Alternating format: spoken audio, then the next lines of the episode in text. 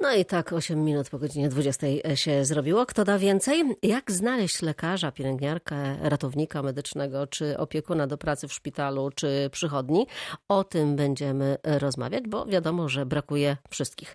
Ci, którzy są wolni na rynku, stawiają coraz większe wymagania. Jak zatrudnia się w dużym mieście, a jak na prowincji? Czy ratunkiem będą medycy ze wschodu? Na te pytania będziemy odpowiadać. Nie ja sama, eksperci, których zaprosiłam dzisiaj do studia. A są z nami dr Piotr Karniej z Uniwersytetu Medycznego we Wrocławiu. Dobry wieczór.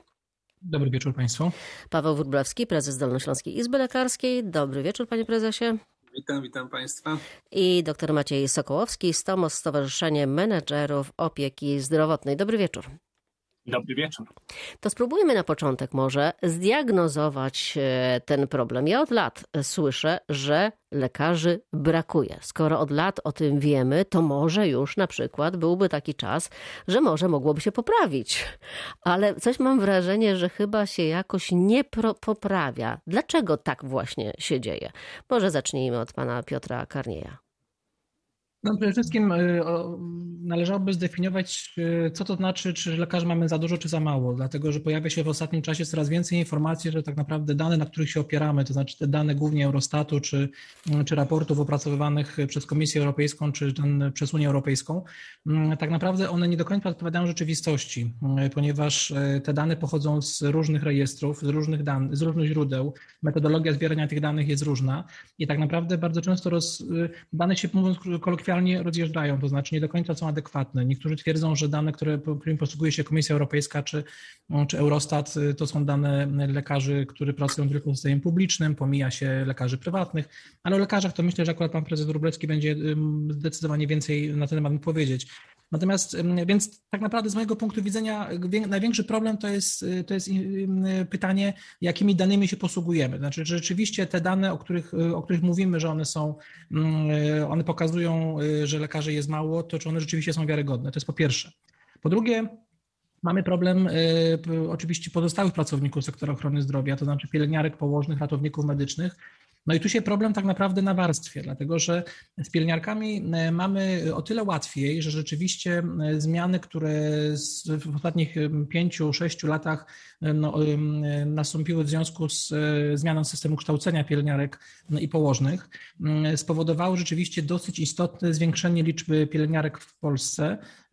No, atrakcyjność zawodu, atrakcyjność wynagrodzenia zdecydowanie wzrosła i statystyki pokazują, że mamy około 10 tysięcy pielęgniarek więcej niż mieliśmy w 2018 roku. To już jest dużo.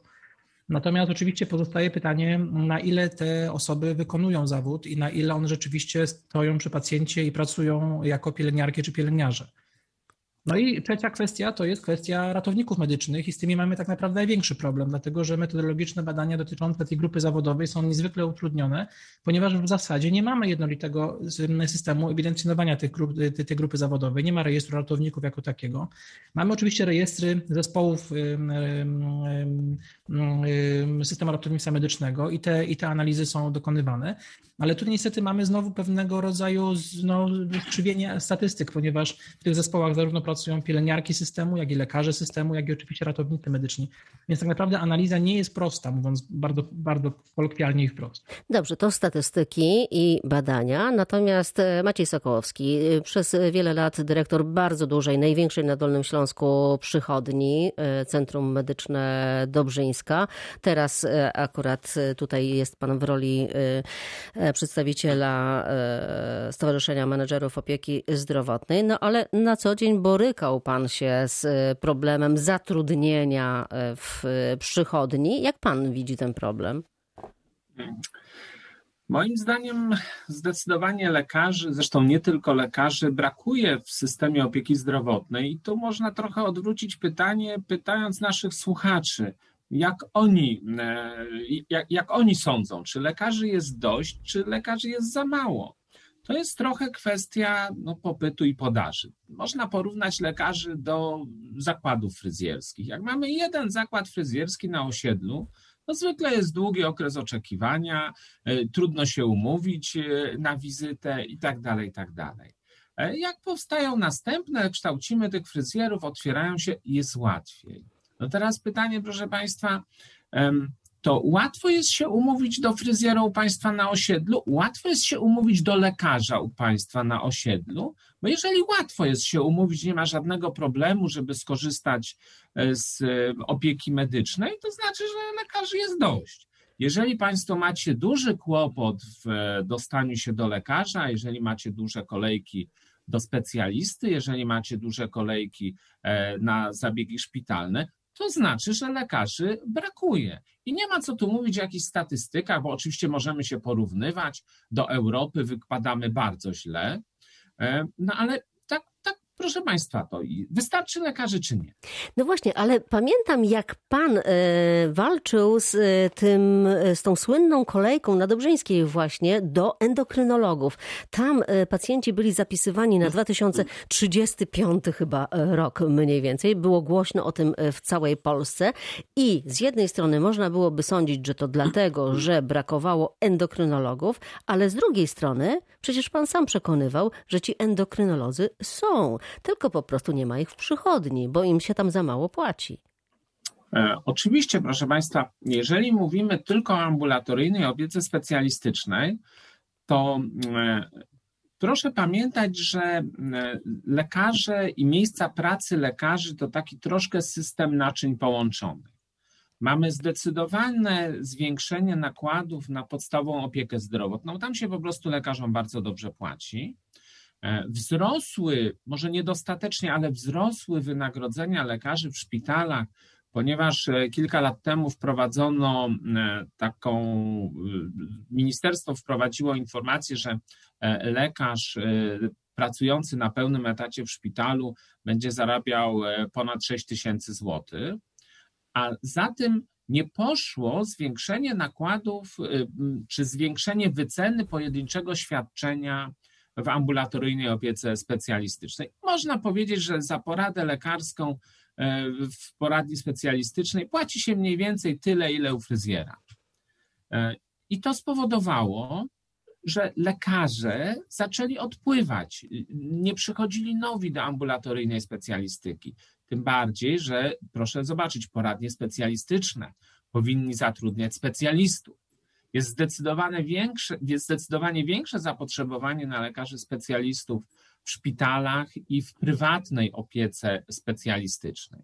Więc jeżeli lekarz, e, do którego jest duża kolejka e, w państwowej przychodni, e, przechodzi do prywatnej przychodni, bo tam, jeżeli jest duża kolejka, to tam jest dużo chętnych, żeby z usług tego lekarza skorzystać. To znaczy, że mogą być wyższe stawki, to znaczy, że można lekarzowi więcej zapłacić. Więc on idzie do prywatnej przychodni, a wtedy ta kolejka w państwowej przychodni rośnie. W związku z tym jakby jest większe zapotrzebowanie na tego lekarza. To teraz oddajemy głos prezesowi Dolnośląskiej Izby e, Lekarskiej, Paweł Wróblewski. Jak pan to widzi, panie doktorze? No, podobnie jak koledzy. To jest bardzo słuszna uwaga dotycząca kwestii statystyk, które są oczywiście y, takie, jakie się przyjmuje normy. Faktem jest, że liczbowo jesteś, słabo wyglądamy na tle innych państw europejskich. Natomiast no, z drugiej strony też nie jest tak tragicznie. E, natomiast gdzie jest problem? Problem jest może nie w ilościowym niedoborze lekarzy, a w jakościowym. Pamiętajmy, że mamy bardzo starą kadrę. Już w 2004 roku bodajże zrobiliśmy takie badania prognostyczne, z których wynikało, że no, za 10-15 lat średnia wieku lekarzy zbliży się tak do raczej do, wieku, do średniej około 50 lat niż mniej.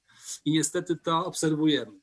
Druga kwestia to jest niestety fatalny rozkład lekarzy, jeśli chodzi o miejsca pracy. No weźmy choćby nasz Dolny Śląsk, gdzie tak naprawdę ta średnia, jeżeli weźmiemy pod uwagę ponad 12 tysięcy lekarzy, wychodzi koło tam 3,5-3,6, czyli tak na poziomie średniej europejskiej, choć oczywiście jest to trochę przekłamane, bo, no bo w niewielu krajach pracują lekarze w wieku 80 lat u nas pracują wszyscy do późnej starości. Ale jeżeli już popatrzymy na poszczególne były województwa, u nas nazywamy to delegaturami, to we Wrocławiu mamy siedmiu lekarzy na tysiąc. Natomiast w pozostałych byłych województwach, wałbrzyskim, czy legnickim, czy jeleniogórskim mamy po jeden z kawałkiem, 1,6, 1,7. To już jest pierwszy problem. Tak więc nierównomierne rozmieszczenie lekarzy, stąd deficyty szczególnie poza Wrocławiem. No kolejna kwestia to oczywiście nasz system pracy. Tradycyjnie ukształtował się on w ten sposób, że każdy ma dwa, trzy etaty. jest sprawą oczywistą, że samo przemieszczanie się pomiędzy jednostkami. Czasem to dochodzi do teleportacji wręcz. Czasu. Tak, tracimy dużo czasu na to. Więc w moim przekonaniu jednak mimo wszystko trzeba by zacząć restrukturyzację od organizacji, a nie od liczenia za bardzo tych kadr. Jeśli chodzi o kwestię zarobków, to już nie będę mówił, bo oczywiście mówi się o tym, że faktycznie zarobki lekarzy się znacznie poprawiły, czy pielęgniarek, ale to i tak w porównaniu z średnimi krajów sąsiednich no, jest nieporównywalne. Stąd też odpływ koleżanek i kolegów do krajów ościennych. Także naprawdę no, powinno się bardzo szybko, spokojnie i skrupulatnie, aczkolwiek konsekwentnie uregulować te kwestie no i w moim przekonaniu ten, ten zasób, który jest, wystarczyłby do jakiegoś takiego minimalnego, przyzwoitego uregulowania naszego systemu, no choćby nawet przez takie dowartościowanie, żeby no, człowiek pracował w jednym miejscu, a nie pędził po różnych miejscach. No tak, tak, ale pamiętam tę dyskusję o tym, że jakby się rzeczywiście, bo były takie pomysły, żeby przywiązać lekarza do jednego miejsca, ale wtedy okazałoby się, że już e, zamiast się zapisywać na 2029, to byśmy się e, zapisywali na 2039, bo tak kolejki by się wydłużyły po prostu.